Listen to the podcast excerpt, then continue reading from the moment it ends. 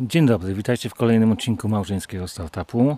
Jak słyszycie albo będziecie słyszeć, nagrywam ten odcinek y, mówiąc po mojemu na polu. Bo ja jestem z Małopolski, więc ja wychodzę na pole. Wiem, że jak ktoś jest z Wielkopolski, to wychodzi na dwór, natomiast ja wychodzę na pole, więc nagrywam z pola. Y, jest piękna pogoda y, i nie chce mi się po prostu nagrywać w domu, a tutaj jestem w tak pięknym miejscu, że mam nadzieję, że uda mi się skupić i zrobić to, co chcę zrobić w miarę szybko i sprawnie. Jak zauważyliście, tytuł odcinka jest On i ona w trójkącie. To jest to, to, narzędzie, o którym chcę Wam opowiedzieć, będzie na samym końcu. A to jest takie narzędzie, mogę Wam teraz troszkę zdradzić, uchylić ramka tajemnicy. To jest takie narzędzie, które ma pozwolić Wam wychwycić pewne mechanizmy, a dokładnie jeden mechanizm, który wciąga E, nas w, taki, e, w taką e, spiralę konfliktu, który się nieustannie odradza, kończy, odradza i tak właściwie bez końca. Mm, to jest taki, kiedyś to nazwałem w jednej z konferencji, taki trójkąt bermudzki związków, że związek w momencie, kiedy jakby podlega temu schematowi, to, to jak samolot wlatujący nad trójkąt bermudzki lubi po prostu zniknąć. I takie związki też, jeżeli wchodzimy w ten schemat, o którym Wam opowiem dzisiaj, to ten związek czasami lubi prysnąć jak bańka mydlana. Ale zanim do tego dojdę, to kilka rzeczy chciałbym e, Wam powiedzieć e, odnośnie dwóch poprzednich odcinków, e, a były to odcinki o dorosłych dzieciach alkoholikach i o dorosłych dzieci, dzieciach dysfunkcji. I tutaj jedna rzecz, która gdzieś tam mi umknęła poprzednio, to była taka, taka rzecz, która która właśnie mogliście odnieść takie wrażenie, że ja zapraszam poprzez to, że y, chcę rozgrzebywać te takie rodzinne historie, że zapraszam do oskarżenia rodziców. Absolutnie nie.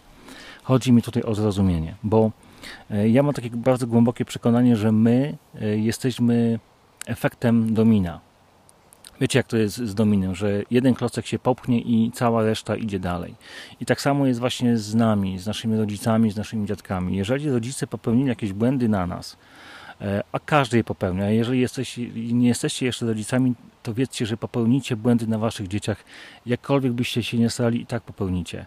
E, więc, więc mi chodzi o to, żebyśmy wyłapali pewne schematy e, wyniesione z, nas, z naszych rodzinnych domów i te schematy próbowali po prostu zwyczajnie zmienić i czasami zatrzymać taką sztafetę międzypokoleniową przekazywania, powiedzmy, takiej pałeczki, czasami błędów, które są nieświadome, E, nieintencjonalne i tak dalej. Więc chodzi mi bardziej o zrozumienie, a nie o, nie o oskarżenie, absolutnie nie.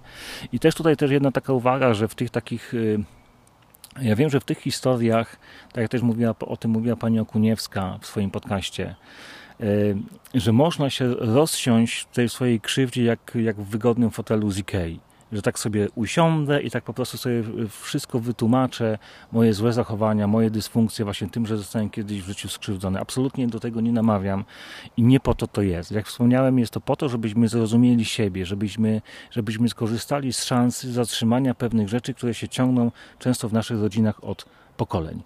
Jeżeli jesteś DDA i odczytałeś, odczytałeś e, ten właśnie odcinek o DDA, że to jest właśnie o tobie, to cieszę się, że jesteś, bo dzisiaj y, jakby kolejne podejście do tego problemu, ale trochę od innej strony. Jeżeli jesteś DDD, to też się cieszę, że jesteś. Natomiast jeżeli się jakby nie potrafisz odnaleźć ani w DDD, ani w DDA, to też się cieszę, że jesteś. Nie odchodź i zapraszam do wysłania tego podcastu.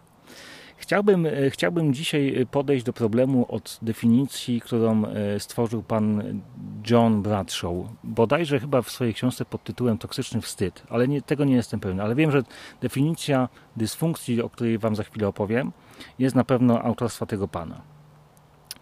E, on powiedział tak, że e, ponieważ słuchajcie, to, to, czasami jest tak, że my jakby, bo może tak być, że ktoś z Was może się nie, odnaleźć do końca w tym DDA albo w tym DDD. I tutaj jeszcze jakby jedno podejście od innej strony do, do, tego problemu. Bo słuchajcie, to jest czasami jak z K2. K2, górę K2 zdobywamy od różnych stron. I czasami ten taki, taki, takie rzeczy, które które zrobią nam tyły w życiu, trzeba może od różnych stron do nich podejść. Nie? I K2 się zdobywa od północnej strony, od południowej, nie wiem, od zachodniej, zimą, latem, więc warto jakby e, do tych takich naszych schematów życiowych zajrzeć od różnych stron. I teraz właśnie dzisiaj chciałbym Wam podać tą definicję pana Bradshawa. Definicję dysfunkcji. On mu powiedział tak, że miarą dysfunkcji danej rodziny e, jest e, ilość tematów tabu, o których się w danej rodzinie nie rozmawia. Ilość tematów tabu, e, o których w danej rodzinie się nie rozmawia. Są takie rzeczy, które przemilczamy, o których się nie rozmawia, e, których nie dotykamy, bo to jest taki trup w szafie. I na przykład, jeżeli jesteś DDA, to, e, to warto jakby do, do, do tego problemu, na przykład weźmy taki standard, że pije ojciec, żeby powiedzmy jakby trochę z, zrozumieć całą tą sytuację, żeby na przykład też, bo to, to, są słuchajcie takie, jeżeli powiedzmy mamy jakieś, pochodzimy z domów, gdzie były duże dysfunkcje, to, to ważne jest jakby przebaczenie, jakby, mm, jakby trochę odpuszczenie tego tematu, a właśnie pomocne będzie to, żeby podejść do tego tematu na przykład picia ojca trochę od innej strony, bo my często na przykład znamy, znamy wersję powiedzmy, którą przekazała nam na przykład mama, że ojciec był łajdakiem, był pijakiem i zepsuł nam wszystkim życie. A może warto byłoby porozmawiać na przykład, jeżeli ojciec miał e, rodzeństwo, na przykład brata, siostry, kuzynów, jakby zapytać, e, jak to było, na przykład jakie było dzieciństwo ojca, od strony e, jego rodziny, bo czasami na przykład jeżeli jest jakaś większa dysfunkcja, patologia, jakieś powiedzmy takie rodzinne, niefajne sytuacje, to często się na przykład rodzina rozpada, e, często te, te, te, te ścieżki takie rodzinne się rozchodzą i czasami znamy wersję tylko wyłącznie z jednej strony. A może warto byłoby zapytać na przykład e, dziadków, jakieś ciotki, w sensie jak to było z ojcem, nie?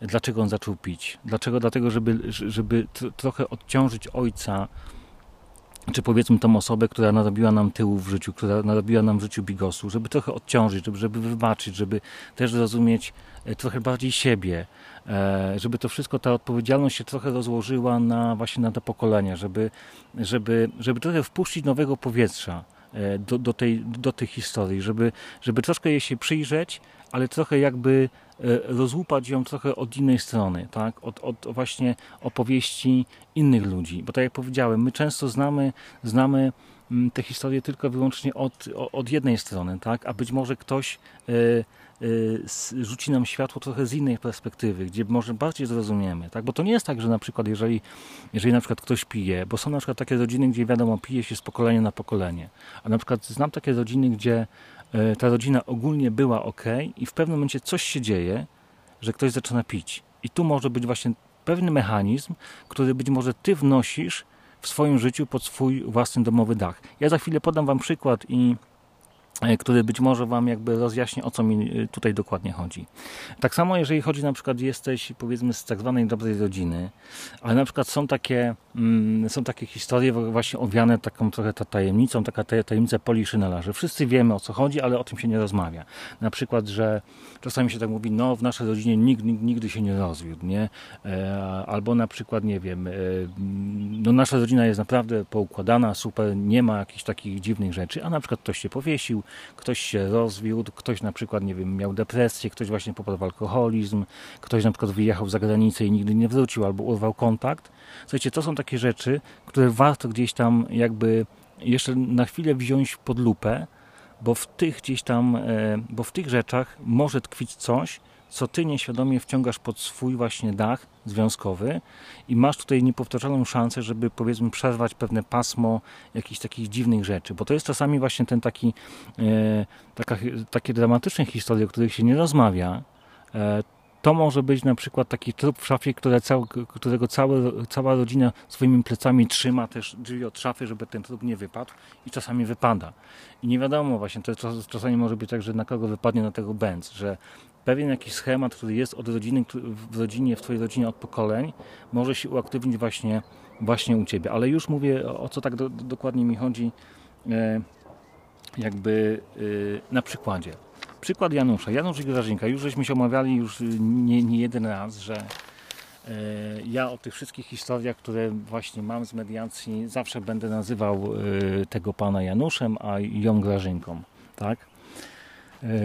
Zadzwoniła kiedyś do mnie Grażynka i mówi tak, że, no, że w małżeństwie no nie jest najlepiej, że Janusz chce odejść. To jest historia, którą prawdopodobnie Wam, wam już opowiadałem, w, w, w, jak omawiałem pięć języków miłości. Tylko słuchajcie, każdy przypadek, to, to, każda historia, którą ja spotykam, to, to jakby na tą historię można jakby spojrzeć z kilku różnych perspektyw. To jest, tak jak mówiłem przed chwilą, na K2 można wejść z różnych stron, od, od jakby różnym podejściem. I to jest właśnie ten, ten przypadek, że tutaj te, ten przypadek, y, o którym teraz Wam opowiem, Janusza i Grażynki, można jakby podejść do niego z kilku stron. Więc można podejść od języków miłości, że tam coś się zaczęło psuć, a też można właśnie podejść od, od tego, o czym właśnie ja dzisiaj Wam mówię, czyli właśnie od tej definicji dysfunkcji, która właśnie polega na tym, na, na, ilości tematów, o których się w danej rodzinie w ogóle nie dyskutuje. Jest taka cisza, cisza na morzu, bałwan śpi, nie? Kto się odezwie, będzie nim. E, więc Grażynka do mnie zadzwoniła i mówi, że Janusz e, jak zawsze straszył, że odejdzie, no to, no to, no to w tym momencie chyba już mówi, mówi na serio i, no i rzeczywiście się wystraszyła i czy można byłoby jakoś z nimi porozmawiać, z nim, z nimi, czy może dałoby się coś tutaj jakby zadziałać. Ja mówię, nie ma problemu, nie? E, no i Grażynka tam słyszę, że Janusz się kręci w tle i Grażynka mówi, porozmawiasz z panem, porozmawiasz. A Janusz mówi, nie. No i udało mi się jakoś, ja jestem pewien, że o tym wam e, mówiłem już chyba w pięciu językach miłości, ale się jeszcze raz powtórzę. Ale jakoś udało mi się z Januszem porozmawiać przez telefon. Ja mówię, słuchaj, słuchaj Janusz, to jest jakby twoja decyzja, jak postanowiłeś, że odchodzisz, że chcesz skończyć ten związek, no to jakby to jest twoja decyzja y, i tutaj do niczego nie namawiam, tylko fajnie byłoby jednak trochę spojrzeć, jakby podzielić tej trochę odpowiedzialności, wejrzeć w tą sytuację, co się stało, dlaczego tak się stało, jak się stało i tak dalej, żeby jakby też całej winy na, na Grażynkę nie spychać, żeby to jakoś y, przynajmniej zrozumieć, co się stało w waszym związku. Janusz powiedział jasno, jeżeli tylko nie będziesz mnie namawiał do tego, że żebym, nie wiem, na siłę to małżeństwo utrzymywał, to możemy się spotkać. I tam była, słuchajcie, jedna sytuacja, jedna, jedna taka rzecz u Janusza, która bardzo mocno mnie zastanowiła, ponieważ e, Janusz e, właśnie był z tak zwanej rozbitej rodziny. No, ja też jakby tego do końca nie lubię tego określenia, ale Janusz, Janusza, Janusza i jego mamę zostawił ojciec, kiedy Janusz był mały. I w opowieściach y, z Janusza cały czas wybrzmiewało to, że rzeczywiście y, no to było coś, co bolało Janusza całe życie, jego mamę, że jego mama musiała się jakoś tam y, no, po, tym, po tym odejściu ojca jakoś zbierać. I w całej tej historii pobrzmiewało to, że Janusz, ponieważ Janusz był super ojcem, to był, Grażynka mi o tym opowiadała, to był fajny facet, inteligentny, wrażliwy, przystojny, dobrze wykształcony, złota rączka, umiał się zajmować domem, y, mieli trójkę dzieci, e, trójkę, trójkę, trzy córki. E, generalnie fajny facet, nie? Tylko tam coś po prostu nie, w pewnym momencie, no właśnie, i, i to było takie pytanie, znak, znak zapytania, co się dzieje, co się stało. E, I teraz tak, Janusz opowiadał mi, że, że, że znaczy opowiadał, no z tych jego, w sensie z tej, z tej jego, jego, relacji wynikało to, że on sobie za punkt honoru postawił to, że on będzie fantastycznym ojcem, że on nigdy swoich dzieci nie zostawi. I rzeczywiście nie zostawił, dlatego że e, no przynajmniej jakby wytrzymał, wytrzymał, wiem, że to brzmi tak jak brzmi, e, dotrwał w tym małżeństwie do, do, do momentu, kiedy te, dzieci, dzieci były dorosłe, dziewczyny były dorosłe, już były w miarę samodzielne i to był taki moment, kiedy chciał odejść, tak? A więc jakby e, dotrzymał swojej obietnicy, że nie zostawi swoich dzieci jakby bez opieki, że zresztą był w, dalej z nimi w fantastycznym kontakcie. Zresztą właśnie no mówi, że no, no, dziewczyny są tak wpatrzone w ojca, że po prostu, że hej, że z jednej strony czasami się czuje zazdrosna o to, że że ma tak fantastyczny kontakt ze swoimi córkami. I teraz zauważcie, rzeczywiście Janusz y, dotrzymał sobie postawionego, postawionego zadania, y, że, że był fantastycznym ojcem, ale wiecie co? Wydaje mi się, że tutaj hmm, z, jakby poległ w innej kwestii. Y, pokazywał mi Janusz zdjęcie swojej mamy. Fantastyczna kobieta, zadbana, mimo że miała swoje lata, już to taki nadal błysk wokół, taka fajna babka. Tylko Janusz mówi tak, że E, no, że mama sobie już po, po, po z ojcem już nigdy jakby e, no nie znalazła faceta. Jacyś tam mężczyźni byli, ale już to, to nigdy nie było to samo, nie? E, była kobietą zaradną, atrakcyjną i tak dalej. I ja zapytałem w pewnym momencie Janusza, Janusz, no dobrze, a ty, czy ty wnikałeś w to, co się tak naprawdę w życiu twoich rodziców wydarzyło? Mówi, nie, nigdy w to nie wnikałem, nigdy mnie to nie obchodziło. No właśnie. A ja mam takie wrażenie, odniosłem takie wrażenie, że ponieważ Janusz był w bardzo w bliskim kontakcie, mimo że mama już była w podeszłym wieku, on miał już swoje lata, był no nie chcę powiedzieć uzależniony, ale był w bardzo bliskim kontakcie ze, swoim ma, ze swoją mamą. Mama była nadal e, olbrzymim autorytetem, ideałem. E, no właśnie. I tutaj, słuchajcie, wydaje mi się, że zadziałał schemat, wiecie jaki? E, to, że to, że Janusz wyszedł z takim napisem, z takim logo na swoim czole, na swoim takim, nie wiem, transparencie życiowym, że królowa jest tylko jedna że może warto byłoby, ja chyba to zasugerowałem Januszowi, że może warto byłoby wniknąć w tą historię rodziny, że może warto było, y, ojciec już wtedy nie żył, jak żeśmy rozmawiali, że może warto byłoby zapytać ojca, co się tak naprawdę stało. Bo wiecie co, Janusz w swoim związku, wiecie co, nie stworzył miejsca, przestrzeni dla swojej żony.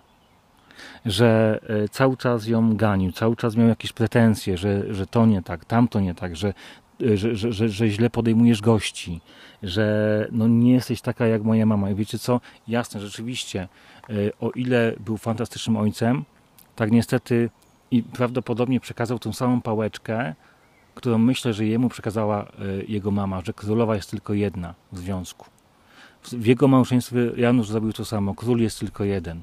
I wydaje mi się, że niestety trochę uzależnił od siebie e, swoje córki i one też wejdą w związek z takim transparentem król jest tylko jeden tatuś. A słuchajcie, związek to niestety jest, to niestety, jakie niestety, związek to jest, w związku powinno być miejsce i dla króla, i dla królowej. I trzeba stworzyć, czasami wciągnąć, czasami pomóc wejść na piedestał swojej żonie. Bo jeżeli jestem taki fantastyczny cały czas yy, i nie stwarzam miejsca na przykład na jakieś błędy, na jakieś odmienności dla drugiej strony, no to właśnie, ja jestem taki, fan, takim fantastycznym ojcem, albo jestem taką fantastyczną mamą, a popatrzcie się, dzieci, e, ta wasza matka to jest taka po prostu e, taka fle, taka ble, nie? Słuchajcie, bo, bo, bo, bo to, o czym ja też mówię e, dzisiaj, to są właśnie te schematy. Te schematy, które wynosimy z domu, a wiecie, jaki jest problem w schematach? Że w schemacie też mieszczą się jakby nawyki.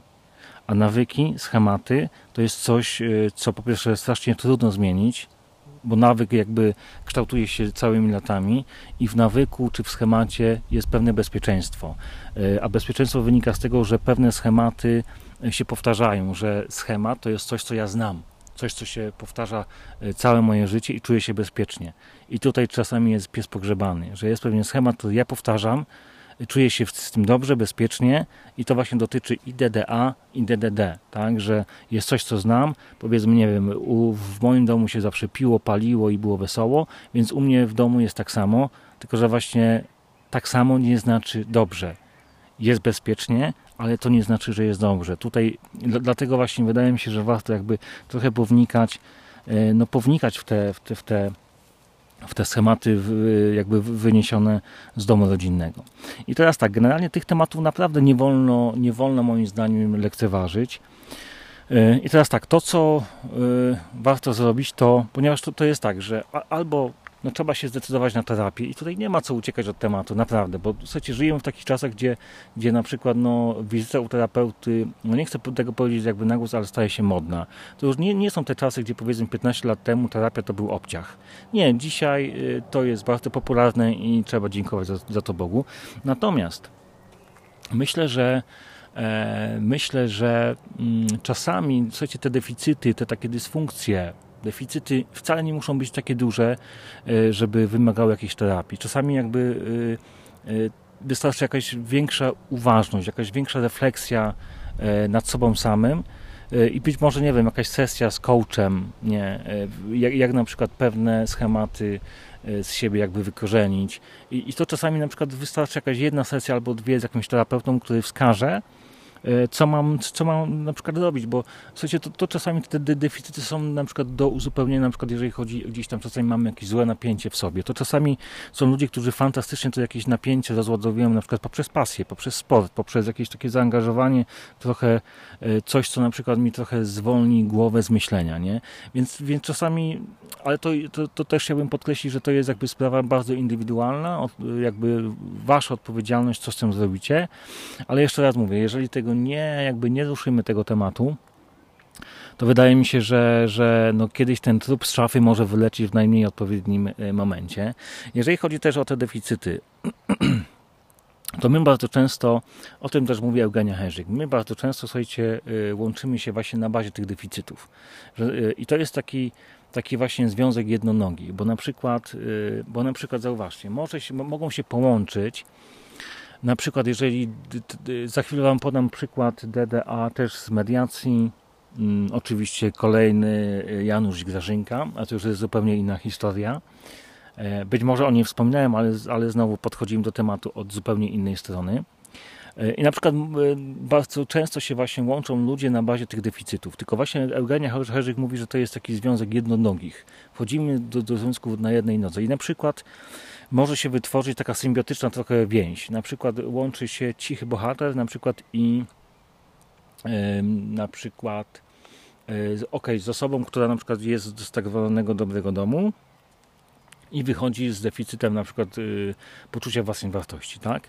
Więc ma swoją na przykład, y, nie wiem, swoją kogoś, kto, kto w końcu się nim opiekuje, kto daje mu poczucie, że jestem ważny, jestem wartościowy, bo się mną zajmuje, a właśnie ten cichy bohater ma właśnie to takie hmm, trochę dziecko, czasami na przykład dziecko we mgle, tutaj może być takie połączenie w, w, na linii DDA i DDA, że mam w końcu kim się zaopiekować, nie? czyli też się czuję potrzebny, potrzebna, czuję się zaangażowana, nie? Tylko, że właśnie Eugenia Herzyk mówi, E, no właśnie, mówi to, że to jest związek ryzykowny. Jasne, to się może udać, ale tutaj jest ryzyko, że no, człowiek jest zmienny, że w pewnym momencie może mi się odechcieć tego układu, że mogę się chcieć wymiksować z tego układu.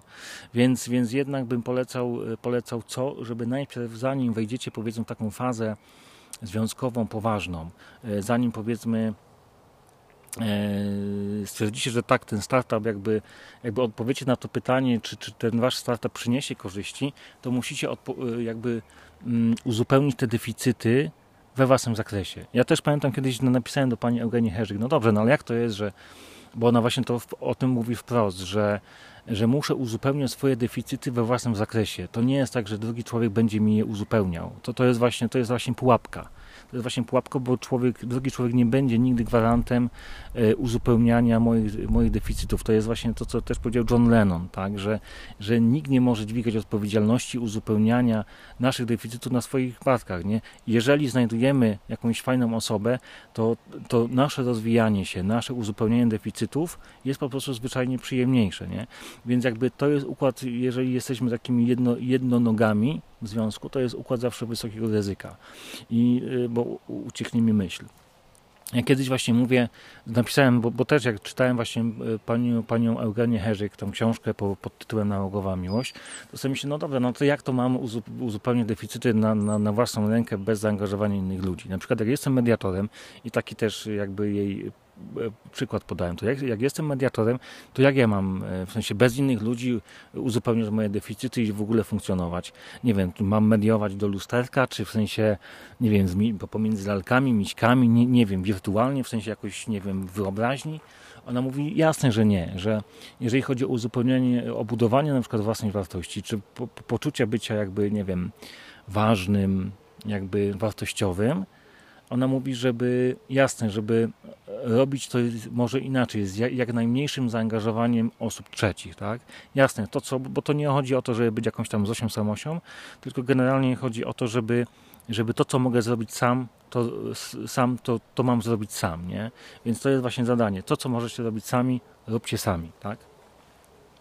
Yy, I teraz tak, na, e, zanim przejdziemy do e, też na chwilę do Jacka i Rosie, z Titanica, od którego te, te właśnie te tematy DDA i DDD e, rozpocząłem, to posłuchajcie historii mm, kolejnego Janusza i kolejnej Grażynki. To jest właśnie zestawienie DDA i DDD.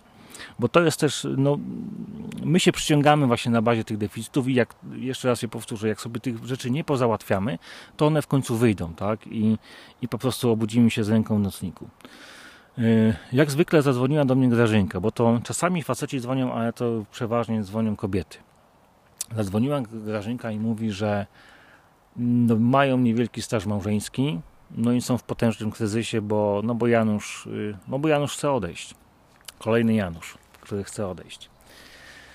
E, no i czy, czy, czy, czy dałoby się jakoś porozmawiać, nie? E, no i tak jak e, wspominałem Wam w poprzednich odcinkach, ja zawsze każdą rozmowę, każdy problem biorę na tapetę i jakby zdobywam to K2 od, od, poprzez podejście od strony rodzin, rodziców, historii rodzinnych. I co się okazało? Grażynka, ta konkretna Grażynka była dokładnie DD, D, dorosłym dzieckiem dysfunkcji, dokładnie chodziło o tutaj o taki deficyt na bazie e, bezpieczeństwa emocjonalnego. Ona była tą właśnie żelazną damą, e, która, bo ona mówi tak, że mm, kiedy miała ileś tam naście lat, jej rodzice się rozeszli. I ona mówi, że to bardzo mocno przeżyła. Ona już była jakby, nie była dzieckiem, więc jakby ten temat został jakby trochę zepchnięty, rodzice się rozeszli, ona to bardzo mocno przeżywała bardzo długo, ale była w jakimś tam kontakcie z ojcem, ale nikt z nią na ten temat nie rozmawiał, ona tego po prostu potrzebowała. I te emocje, które się w niej kotłowały, ona w pewnym momencie zamroziła. No i właśnie. I stała się taką trochę żelazną damą. Stała się bardzo obowiązkowa, bardzo sumienna, jakby odcięła wszelkie emocje od siebie. No i właśnie ruszyła w, ży w życie, bo ona mówi, że ona była wtedy, e, miała jakieś egzaminy, bardzo ważne egzaminy do zdawania więc jakby zamroziła ten temat i chcący jakby nie, nie zawalić tych egzaminów, to po prostu poszła, jakby nie, nie, nie oglądała się na emocje swoje, na, na emocje swojej mamy, swojego taty, więc poszła i stała się taką żelazną damą. I w międzyczasie jakby znalazła swojego księcia z bajki. Ona mówi, to, to był ideał, to był facet, który, o którym ja zawsze marzyłam. Nie? Inteligentny, kulturalny, delikatny, wrażliwy i w ogóle, w ogóle, w ogóle. Nie? I ona mówi też, na przykład też rozmawialiśmy o, o pracy i ona mówi jeszcze, e, szef mi kiedyś wpisał w, w, w moje referencje, że no, na Grażynce można polegać, dlatego że Grażynka jest bardzo zadaniowa, bardzo jakby poukładana, że na Grażynce można polegać, tak? Że Grażynce jak się powiedzmy zamknie drzwi, no to ona wejdzie oknem, a jak nie oknem, to wentylacją. To już w cudzysłowie. E, no i, no i co? No i porozmawialiśmy najpierw z Grażynką, potem, potem z Januszem. I Janusz mówi, no właśnie, że jego ojciec y, e, miał bardzo ważną funkcję. Znaczy funkcję, którą, która, która taki zawód, który e, nie wiem jak to jakby określić, żeby tutaj nie, nie zdradzić zbyt dużo szczegółów. Taka, taka funkcja, taki zawód, który łączył się z ratowaniem ludzkiego życia. I on mówił tak, że to nie jest tak, że ojciec gdzieś tam pił zawsze, nie wiem, dzień w dzień, tylko że wtedy, kiedy, że tak powiem, mu pacjent szedł na stole, w cudzysłowie, to wtedy pił, bo sobie z tym nie mógł poradzić. Tylko wtedy. Tak, to generalnie był fajnym ojcem, y, dosyć kontaktowym, ale to, był, to była taka rzecz, kiedy właśnie stracił tego pacjenta, nie mógł sobie z tym poradzić. I wtedy właśnie pił i czasami właśnie to picie mu się wymykało spod kontroli. I słuchajcie, i, i, i co się stało? Y, no, z mojego rozeznania Janusz, ten konkretny Janusz był tak zwanym dzieckiem we mgle. Y, człowiek, który się nie wybija ani w tom, ani w tom, tak? Że nie jest ani dobry, ani zły. Ani jakoś mocno wybitny, wybitnie dobry, ani, ani, ani wybitnie zły. Tak? E, e, tylko właśnie tak, jakby trochę chciał się prześliznąć przez, e, przez życie, trochę niezauważony. E, I związek, słuchajcie, było tak, że e, Grażynka mówi, e, że mieli kilka takich kłótni tuż przed ślubem, nie? Takich, gdzie właśnie wszystko jakby zawisło tak na włosku, zostało postawione na ostrzu noża. E, I, i on, oni mówią tak, że już właściwie jedna z takich kłótni odbyła się chyba gdzieś kilka dni przed weselem. Mm, no i wiadomo, no już goście już y, jadą, są w drodze, wódka się chłodzi, więc trochę jakby weszli trochę, no trochę na siłę w to małżeństwo, nie? I potem pamiętam, rozmawialiśmy z Grażynką i z Januszem w kuchni przy pysznej kawie. I y, y, y, bo no, jakby Janusz utrzymywał, że to małżeństwo nie ma sensu, on chce jakby odejść, bo jakby nie ma tam pewnych rzeczy, których on się spodziewał, a które są dla niego ważne i on nie będzie ratował trupa, że to małżeństwo, ten związek jest dla niego trupem. Tak? Taki trochę żargon e, zaczerpnięty z zawodu jego ojca. I co się okazało? I pamiętam, i pamiętam, no i teraz tak, jeszcze Grażynka mówi tak, że, że, że, że e, Janusz miał tam e, w sobie do, do podjęcia pewne jakieś decyzje takie wewnętrzne odnośnie swojego życia i ona mówi tak, ja mu zostawiłam e, jakby te decyzje, żeby w sobie pewne rzeczy poukładał, a ja się zajęłam weselem, tak? Czyli postawiła sobie nowy projekt do zrealizowania, projekt Wesele. Ona zorganizowała salę, kapelę, kamerzystę, fotografa, księdza, wystrój kościoła. Ona mówi tak, zajmę się tym, tymi rzeczami, dlatego że ja to lubię, czuję się w tym dobrze, y, po to, żeby Janusz mógł sobie na spokojnie pewne rzeczy podomykać, nie? I słuchajcie, była, y, i słuchajcie wzięliśmy na, na tapetę awanturę, która się odbyła, odbyła właśnie te kilka dni przed, przed, przed ich ślubem ja mówię, wiesz co Janusz, a pamiętasz tą, tą, tą, pytam się, pamiętasz Janusz tą rozmowę, tą kłótnię? On mówi, tak, oczywiście, bardzo dobrze pamiętam. E, I, i, i, i Grażyna mówi tak, że Janusz, a miałeś wtedy taką dziwną minę. Mm, a ja się pytam, Janusz, a ty pamiętasz właśnie wtedy, co myślałeś? Mm, a Grażynka właśnie, no właśnie, bo coś myślałeś, ale się w ogóle nie odezwałeś, nie? A Janusz mówi, tak, doskonale pamiętam. E, ja się pytam, a co myślałeś? Jakie miałeś odczucie? Nie wiem, jakie miałeś emocje? Możesz, możesz nam powiedzieć? On mówi, oczywiście, że mogę. E, Janusz powiedział, że wtedy e, zdałem sobie tak naprawdę sprawę z tego, jak mało mam do powiedzenia w naszym związku. Tak, ale wiadomo, tak jak mówię, wódka się chłodziła, goście już jechali, jakby trochę poszli z biegów do tego małżeństwa. Tak? Dzisiaj małżeństwo, e, no chyba już nie są małżeństwem dzisiaj, ale właśnie to jest, to jest właśnie taki związek, w którym, w którym nie przerobili właśnie tego, że ona była DDD, dorosłym dzieckiem dysfunkcji, że była taką żelazną damą, bardzo zadaniową, obowiązkową, taką trochę jakby nie oglądamy się na emocje, e, jakby idziemy do przodu, dopinamy projekt w sensie na czas, na powiedzmy 30 tam powiedzmy maja ma być, ma być skończone, więc ma być skończone. No i właśnie połączyła się z facetem, który był DDA, dzieckiem we mgle, które właśnie, któremu brakło trochę tak, takiej odwagi, trochę zaangażowania, żeby jednak trochę wyjść z tego takiego pokoiku i jakby powiedzieć stop, że no to, mi, to i to mi się nie podoba, tego i tego e, nie akceptuję. Więc słuchajcie, to są takie tematy ważne. E, I słuchajcie, po krótkiej przerwie e, będziemy powoli zbliżać się do trójkąta, o którym chcę Wam dzisiaj opowiedzieć. Ale chcę Wam też opowiedzieć, zanim, zanim wejdziemy właśnie w, w ten trójkąt, w temat o trójkącie, o sytuacji, kiedy mamy dwa totalnie różne światy, tak jak właśnie Jack i Rosie, czy taki związek ma rację bytu? Myślę, że ma, ale pod pewnymi warunkami. Do usłyszenia już za dwie sekundy.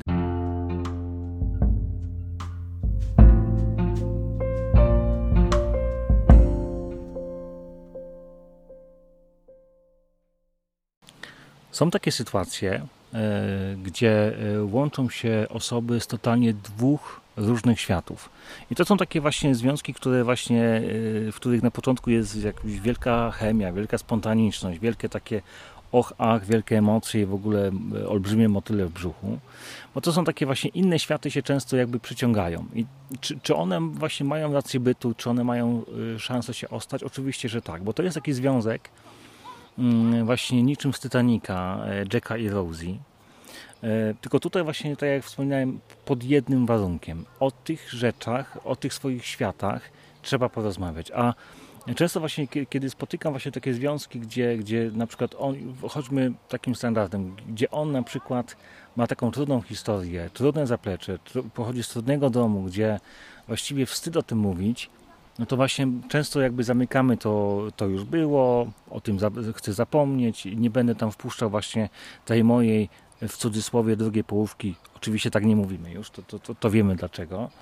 Ale właśnie no, takie sytuacje się strasznie lubią zemścić. O tych sytuacjach, takie sytuacje trzeba po prostu przegadać, bo te światy tak naprawdę, jeżeli powiedzmy ty jesteś z dobrego domu, ona jest z dobrego domu, a ty jesteś z takiego jakby trochę, gdzie nie wszystko było e, tak jak e, należy, to słuchajcie, wasze światy mogą się ubogacić.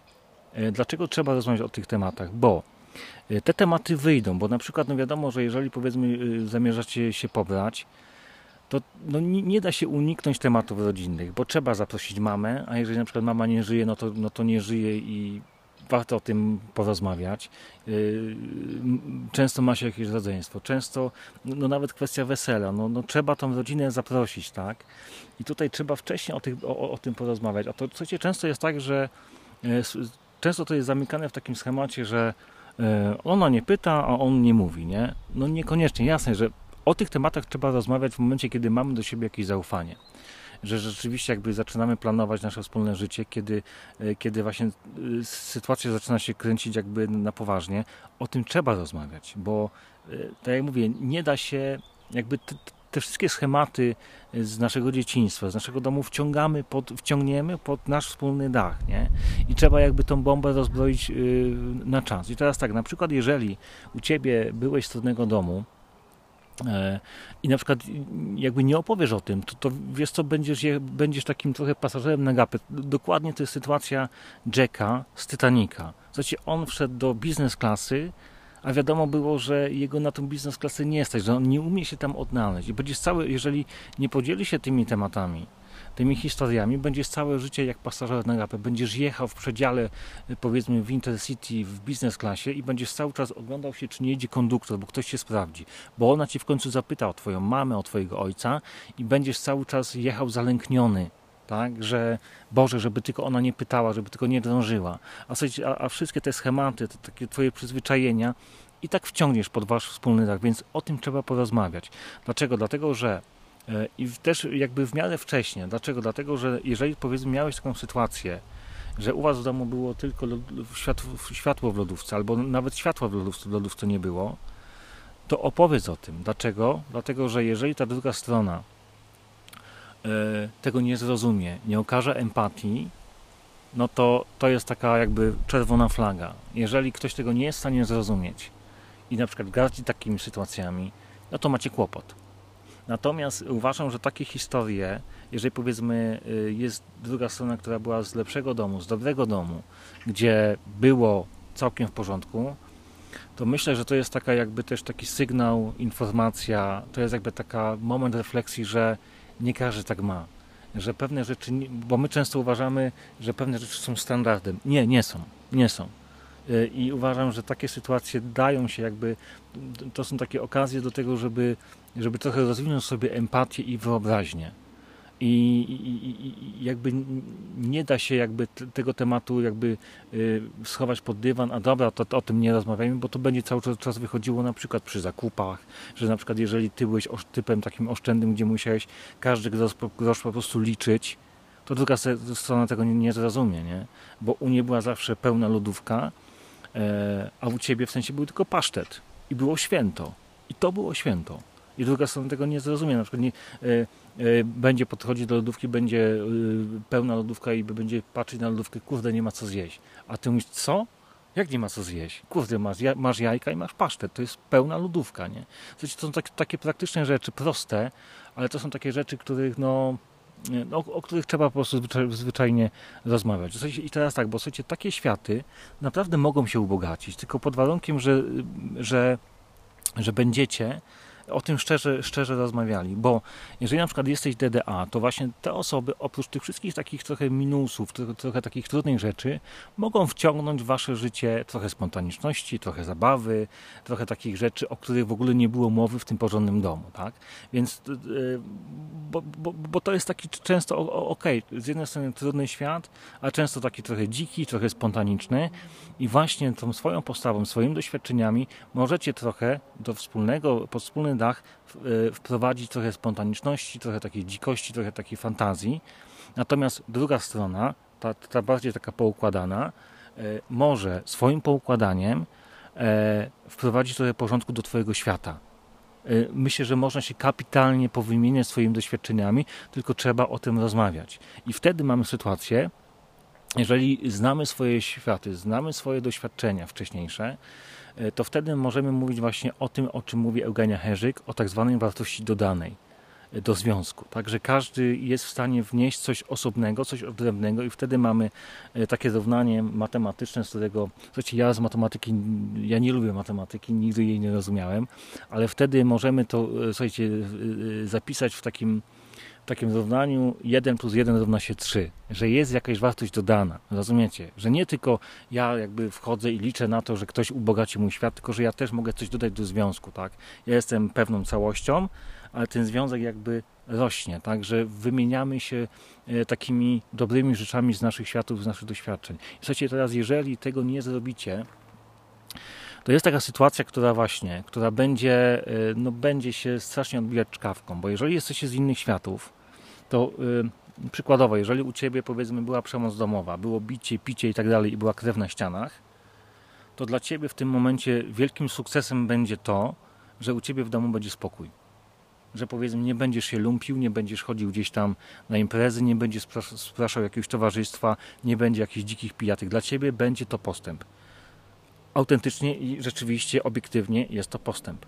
Natomiast niestety z, e, z perspektywy drugiej strony, tej bardziej poukładanej, niestety to będzie tak zwany regres, cofnięcie się Wiem, że wstecz do przodu się nie można, to będzie to cofnięcie się w rozwoju. Dlatego, że druga strona, która pochodzi z tak zwanego dobrego domu, tego nie zaakceptuje. Dla niej cisza w domu, to, że ty nie będziesz pił, bił i tak dalej, to nie jest żaden postęp. I tutaj się nie dogadacie. I tutaj niestety, jeżeli nie przygadacie e, tego, to nie będzie żadnej e, wartości dodanej do, do, do, waszego związku. Tylko tak jak mówię, będziesz, zwłaszcza ty, jeżeli masz jakąś trudną przyszłość e, za sobą, będziesz całe życie jechał jako pasażer na gapę w tym takim luksusowym przedziale i to będzie jej przedział. I będziesz cały czas się bał albo bała, że ktoś przyjdzie i, i, i powie bileciki do kontroli. To teraz zobaczymy, co ty tam masz. To nie jest, to, to nie jest absolutnie normalna, e, normalna sytuacja, więc jeszcze raz zachęcam do tego, żeby o tym rozmawiać, tylko no tak jak mówię, w jakimś zaufaniu, w, w, jakimś takim szacunku, w nienaśmiewaniu się, w niewytykaniu jakichś takich różnych czasami rzeczy, które no, nie do końca były chlubne e, w naszym, w naszym domu. No i w końcu, słuchajcie, przechodzimy do trójkąta. Ha, do trójkąta, w którym y, no, nikt nie chce być. E, i też Wam nie radzę e, być w takim trójkącie. Dokładnie chodzi mi o, o dramatyczny, trójkąt dramatyczny Kartmana. To jest taki, słuchajcie, schemat, który, który bardzo często jakby funkcjonuje w, w naszych domach, w naszych relacjach. To jest część, nie wiem czy już wspominałem, czy nie, to jest część analizy transakcyjnej. O analizie transakcyjnej były chyba był jeden z odcinków wcześniejszych. To jest właśnie fragment analizy. E, trójkąt dramatyczny Kartmana. E, tak jak wiecie, możecie sobie to wyobrazić, trójkąt ma, ma trzy punkty, tak? Jest oparty na trzech punktach. I teraz tak, powiedzmy mamy na górze jeden punkt, jeden tam róg trójkąta i na dole dwa. I teraz tak, trójkąt dramatyczny Kartmana jest zbudowany z takich trzech postaw, z trzech takich punktów, z trzech powiedzmy przystanków, tak?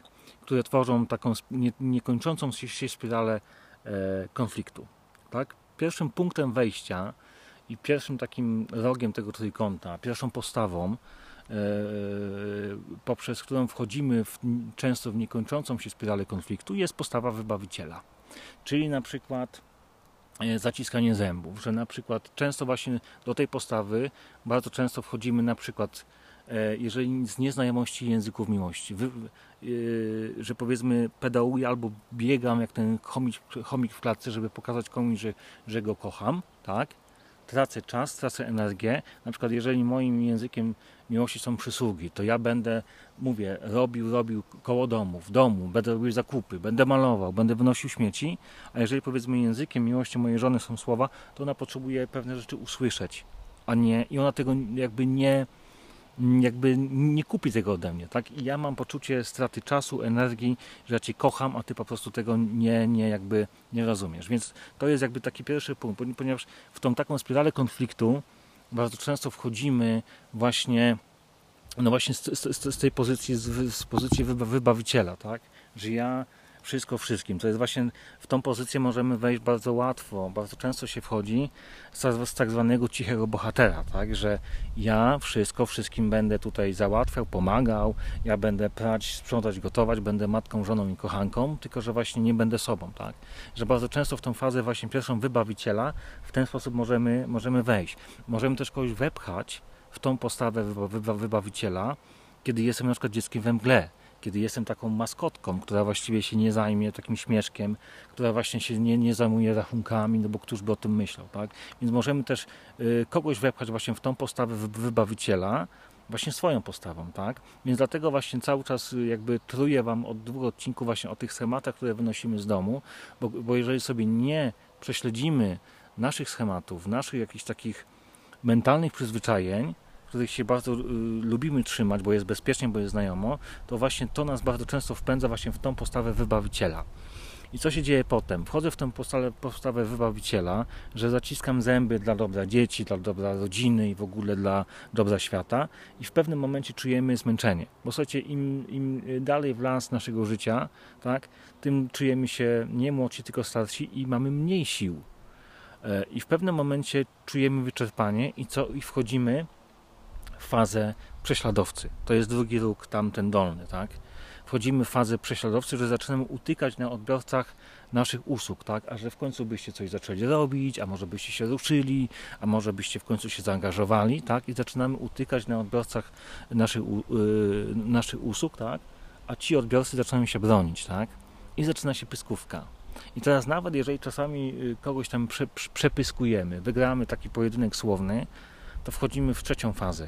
Czujemy się pokonani, że ja tyle chciałem, tyle chciałam, tak i wchodzimy w taką trzecią właśnie, trzeci róg tego trójkąta, yy, bycie ofiarą. Także przecież ja chciałem tyle zrobić dobrego dla naszego domu, dla naszego małżeństwa, dla naszego związku, yy, no a ty, a wy tak się mi odpłacacie. I słuchajcie, to są takie sytuacje i w rodzinie, i w pracy, to są takie sytuacje, które są generowane przez, wiecie, jaką postawę? Tego, że ja chcę być takim dobrym, bo, to, bo też prawda jest taka, że świat od nas tego oczekuje.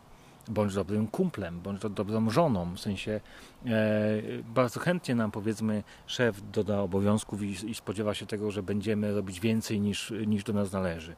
E, dzieci od nas czegoś chcą, mama od nas, od nas coś tam chce, teściowa by się czegoś spodziewała, nie? że bardzo chętnie otoczenie, otoczenie nam nałoży jeszcze więcej tych obowiązków, tylko prawda jest taka, że my musimy asertywnie zacząć e, z pewnych rzeczy e, jakby rezygnować i mówić po prostu nie. Bo ma, masz prawo powiedzieć nie. To jest też jedna z zasad asertywności, że możesz prosić, dopóki e, powiedzmy, dopóki też zakładasz, że ktoś może ci odmówić. Tak? Ja mogę poprosić, ty możesz odmówić i nie ma jakby co tutaj, o co tutaj się gniewać. Więc słuchajcie, to jest taki schemat właśnie bardzo prosty, tak? że na początku robimy za dużo, potem czujemy zmęczenie, i zaczynamy utykać na odbiorcach naszych usług. Ktoś potem zaczyna pyskować, bo no, co tam marudzisz, chciałeś to, to, to, to robiłeś, chciałeś, chciałeś to masz, nikt cię nie prosi, a potem się czujemy jakby, e, jakby odrzuceni, pokonani. Sorry, jedzie jakiś taki gang motocyklistów takich e, takich pierdzących, gang pierdzących motocyklistów. Musimy to jakby przeczekać. Oni przejadą i pojadą. Więc, więc, więc to są takie trzy, trzy właśnie fazy y, konfliktu, nie? I, I to często, słuchajcie, ta faza jakby potem na przykład, jeżeli jest jakaś spina, e, o Boże, ileż można się tak... Poczekam, daj, dajcie mi sekundkę. Dobra, chyba pojechali.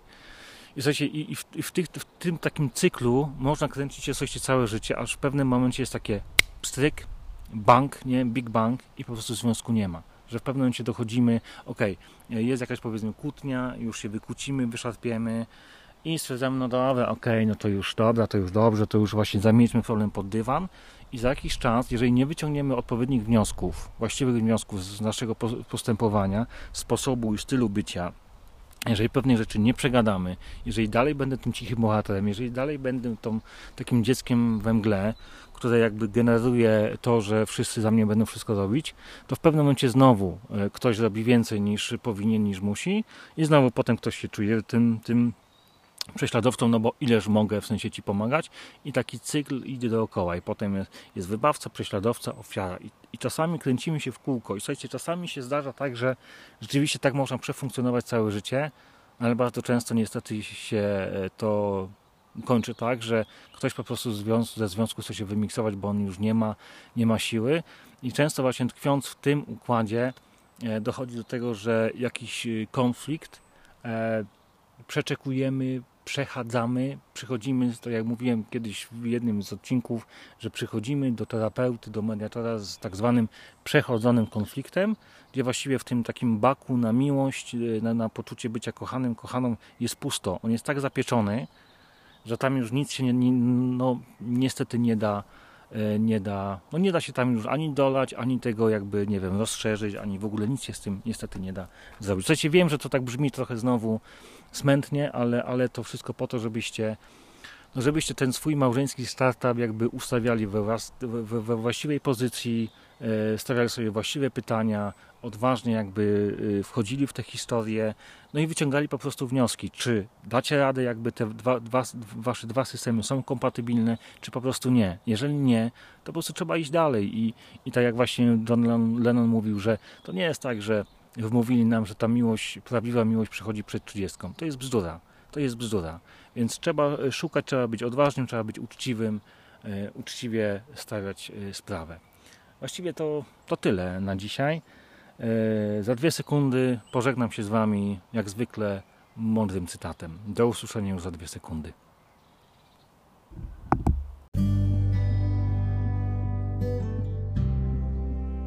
Jacek Walkiewicz, jeden z moich ulubionych psychologów, ludzi, którzy zajmują się komunikacją i relacjami międzyludzkimi, takim rozwojem osobistym, w książce pod tytułem Pełna moc życia napisał e, takie oto słowa. Musisz zaakceptować fakt, że nikt już nie może w 100% powiedzieć ci, do czego w przyszłości musisz się przygotować. Może z wyjątkiem jednej rzeczy. Musisz przygotować się do tego, że kiedyś będzie inaczej. Ale jedna rzecz, mam nadzieję, nie zmieni się nigdy.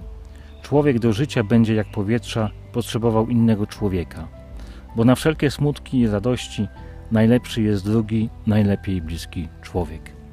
Dziękuję za uwagę. Mam nadzieję do usłyszenia w kolejnym odcinku małżeńskiego startupu. Cześć, trzymajcie się ciepło.